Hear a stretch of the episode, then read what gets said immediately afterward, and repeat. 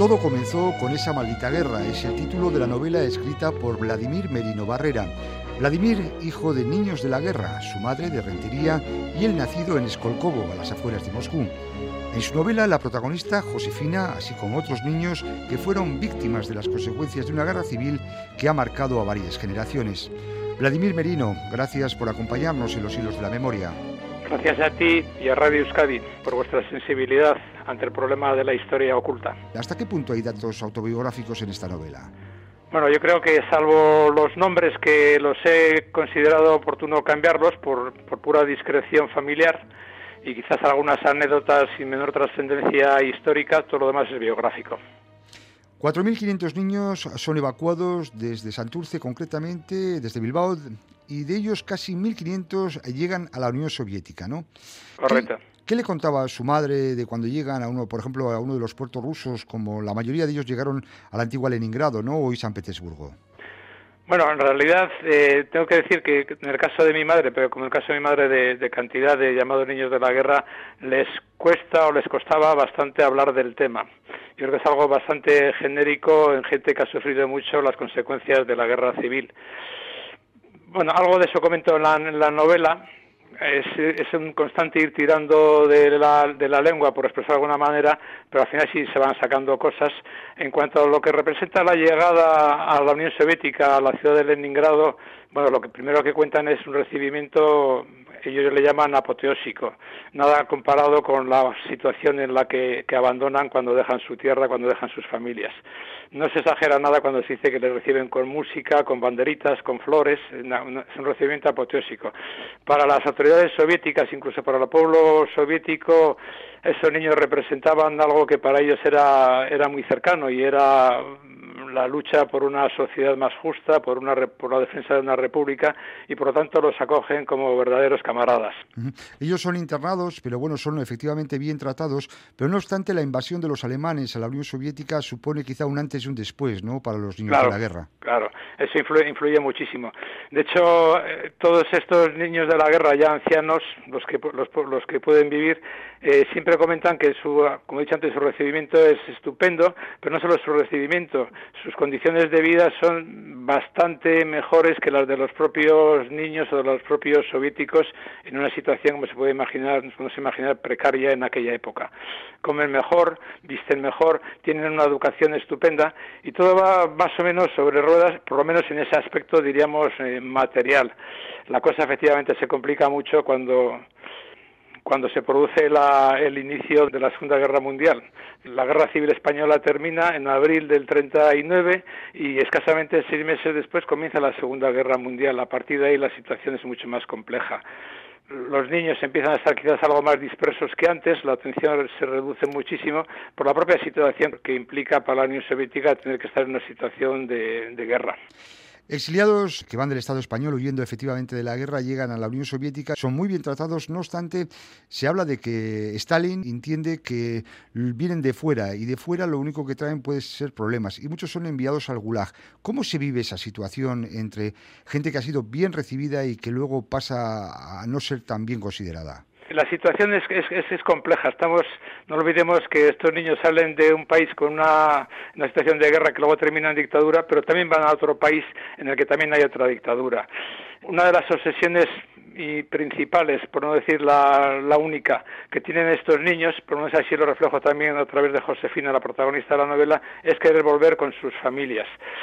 Ellos son conscientes, porque así reciben, de la poca información que reciben, que en cuanto ha terminado la guerra civil, pues muchos de los niños, de los 35.000 que salieron de, España, vuelven a sus, a sus casas con sus familias. Incluso en el caso de Bilbao, pues una vez no ya terminada la guerra civil, sino incluso una vez terminada la guerra en la propia ciudad, hay cantidad de niños que vuelven a sus hogares. La obsesión principal de los niños soviéticos que se tiran allí 19 años es también volver. Y dentro de eso me imagino que sí se producen situaciones de adversidad y de protestas por parte de, estos niños que ya empiezan a ser jóvenes y quizás ese tipo de actitudes eh, pues llevarían a algún tipo de represiones. Pero sí tengo que decir que la gran mayoría son vuelven en una situación satisfactoria. Es cierto lo que decía antes de que una vez terminada la, la iniciada la guerra mundial, pues se complican las cosas. Hay anécdotas que aparecen en el libro que son ciertas, como que en una ocasión juntan a varios cientos de niños, entre ellos Josefina, la protagonista, en el caso real mi madre, en una gran aula les habla la pasionaria Dolores Ibarruri y les termina diciendo que se tienen que olvidar de los macarrones y la mantequilla, que era quizás un poco el baluarte más importante que reflejaba su buena alimentación. Quizás a partir de ahí sí se empieza a iniciar un movimiento individual, no, no, no colectivo, nunca un movimiento individual de protesta por parte de algunos jóvenes que reciben pues el castigo propio de una dictadura. ¿Usted también es de los que opina o no de que los dirigentes del Partido Comunista de España, que también estuvieron exiliados, no hicieron todo lo que debieran o todo lo que pudieran hacer eh, con los exiliados que tuvieron que padecer y soportar un poco la dictadura staliniana? sí, yo creo que es, difícil con, objetividad total juzgar eso. Ten en cuenta que los niños de la guerra que llegan a la Unión Soviética llegan dos años y pico antes que los propios exiliados del Partido Comunista de España. Tanto Dolores Ibarro y José Díaz, toda, esta gente eh, van a la Unión Soviética cuando ya terminó la Guerra Civil Española, escapando del, del Levante. No tengo yo constancia de quejas eh, concretas o reales. Yo más bien tengo la impresión de que los, los exiliados comunistas en la Unión Soviética no dejaban de estar sometidos a la propia mm, autoridad o personalidad del Partido Comunista de la Unión Soviética y de, Stalin. ¿Podían haber hecho algo más? Posiblemente, pero yo creo que el problema principal no estaba en ello. El problema principal estaba entre que dos dictadores, Franco por un lado, Stalin por otro, pues aunque parezca una, una tontería, el problema es que ni se hablaban ni se carteaban y por lo tanto ninguno de los dos quizás tenía interés en solucionarlo claramente el tema. Me consta, así también lo que dejo recogido en la novela, pues que Franco eh, no tenía ningún interés en que volvieran esos niños ya que empezaban a ser adolescentes porque tenía miedo que le llegaran pues militantes aguerridos comunistas que intentaran desestabilizar su propio sistema.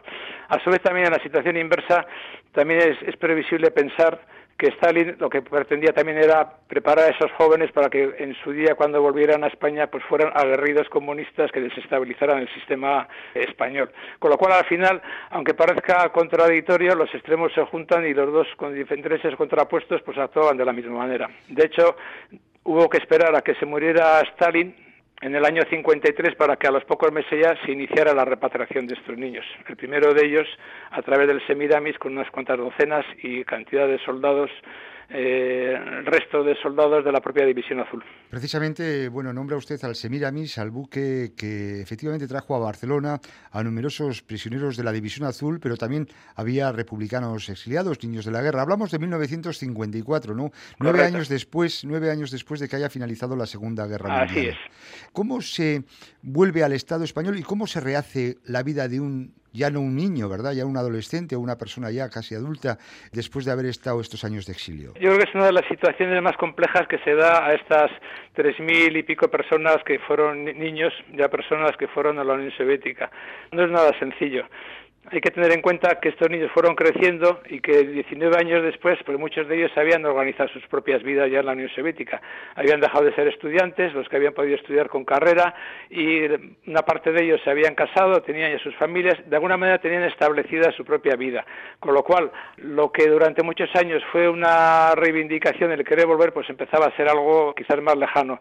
También es cierto que se había producido un distanciamiento no solo físico, sino emocional y de sentimientos entre aquellos niños que salieron 19 años antes y las personas que 19 años después pues están en condiciones de volver.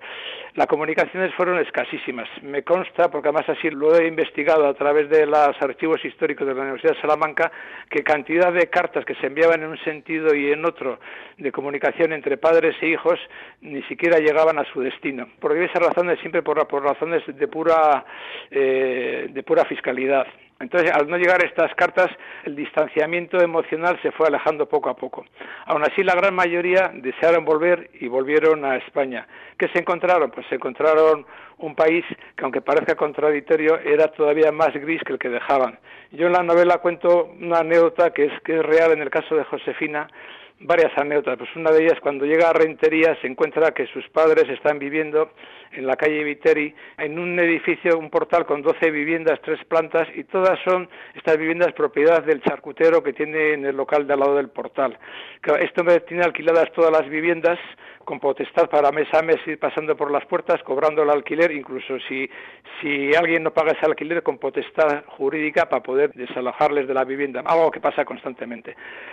El choque con Josefina Coales, pues que ella no está acostumbrada a ese concepto de la propiedad privada, que para ella el problema de la vivienda no era un problema eh, real en la Unión Soviética y se encuentra ese, ese, contraste ideológico o de, o de entendimiento. Josefina también tiene otro problema y es que en la Unión Soviética ha terminado una carrera universitaria cuando llega a España pretende hacer uso de esa titularidad para encontrar trabajo, en una época en la que las mujeres prácticamente no tenían titularidad universitaria y sin embargo esta, esa titularidad se le prohíbe, le, le, recomiendan que vuelva a hacer toda la carrera y como ya está muy preparada pues lo hará muy fácilmente. Entonces ese tipo de contrastes pues choca mucho con ella. Josefina encuentra trabajo enseguida y lo primero que hace también es totalmente verídico y cierto, lo primero que hace con su primer sueldo es regalarles una radio a sus padres, este caso a mis abuelos. Bueno, pues refleja un poquillo también que se encuentra en un país gris y triste. Dificultades mayores, pues bueno, entre paréntesis, cuando regala esa radio hay que decir que sus padres a partir de ahí todos los días y hasta que se mueren, lo primero que hacen por las noches es bajito, bajito, bajito escuchar radio pirenaica, algo que para ellos será una auténtica eh, bálsamo. No es nada fácil porque además también se encuentran que prácticamente todos, por lo menos en el caso de Josefina, a escasamente al año de estar viviendo en Rentería, es llamada para visitar en Madrid a la Delegación General de Seguridad, lo que hoy son las oficinas del Gobierno Autónomo madrileño, para hacerle un interrogatorio policial. Bueno, ella cuando, cuando le, le, llaman para allí está verdaderamente asustada porque piensa que le pueden devolver a la Unión Soviética. Al final en ese interrogatorio más o menos sale airosa y no pasa nada. Pero todo eso refleja situaciones de, tensión, de miedo, con el que se encuentran. En fin, no no es fácil la reincorporación.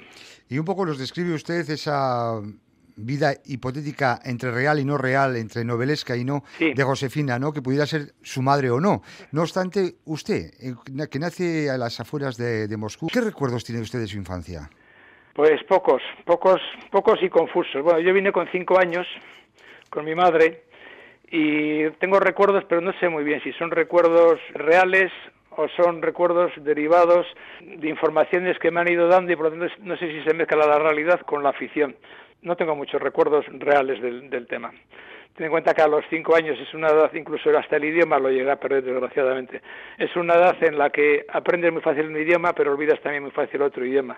Y como luego tardé muchos años en volver de visita ya plan turista a la Unión Soviética, pues se me han ido perdiendo bastante los recuerdos. Es una, es una mezcla de, de quizás recuerdos reales y anécdotas contadas.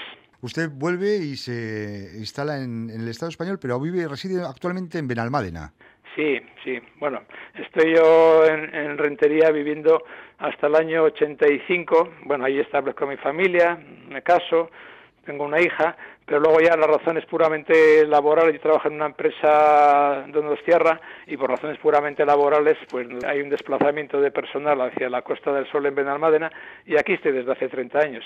Siempre que puedo visito a mis amigos, a mi familia en Rentería, pero bueno, aquí estoy, me encuentro bien, es una tierra bonita y estoy a gusto. Vladimir Merino Barrena, todo comenzó con esa maldita guerra, es el título de su novela. Es que recasco, gracias por estar en Radio Euskadi. A ti, muchas gracias.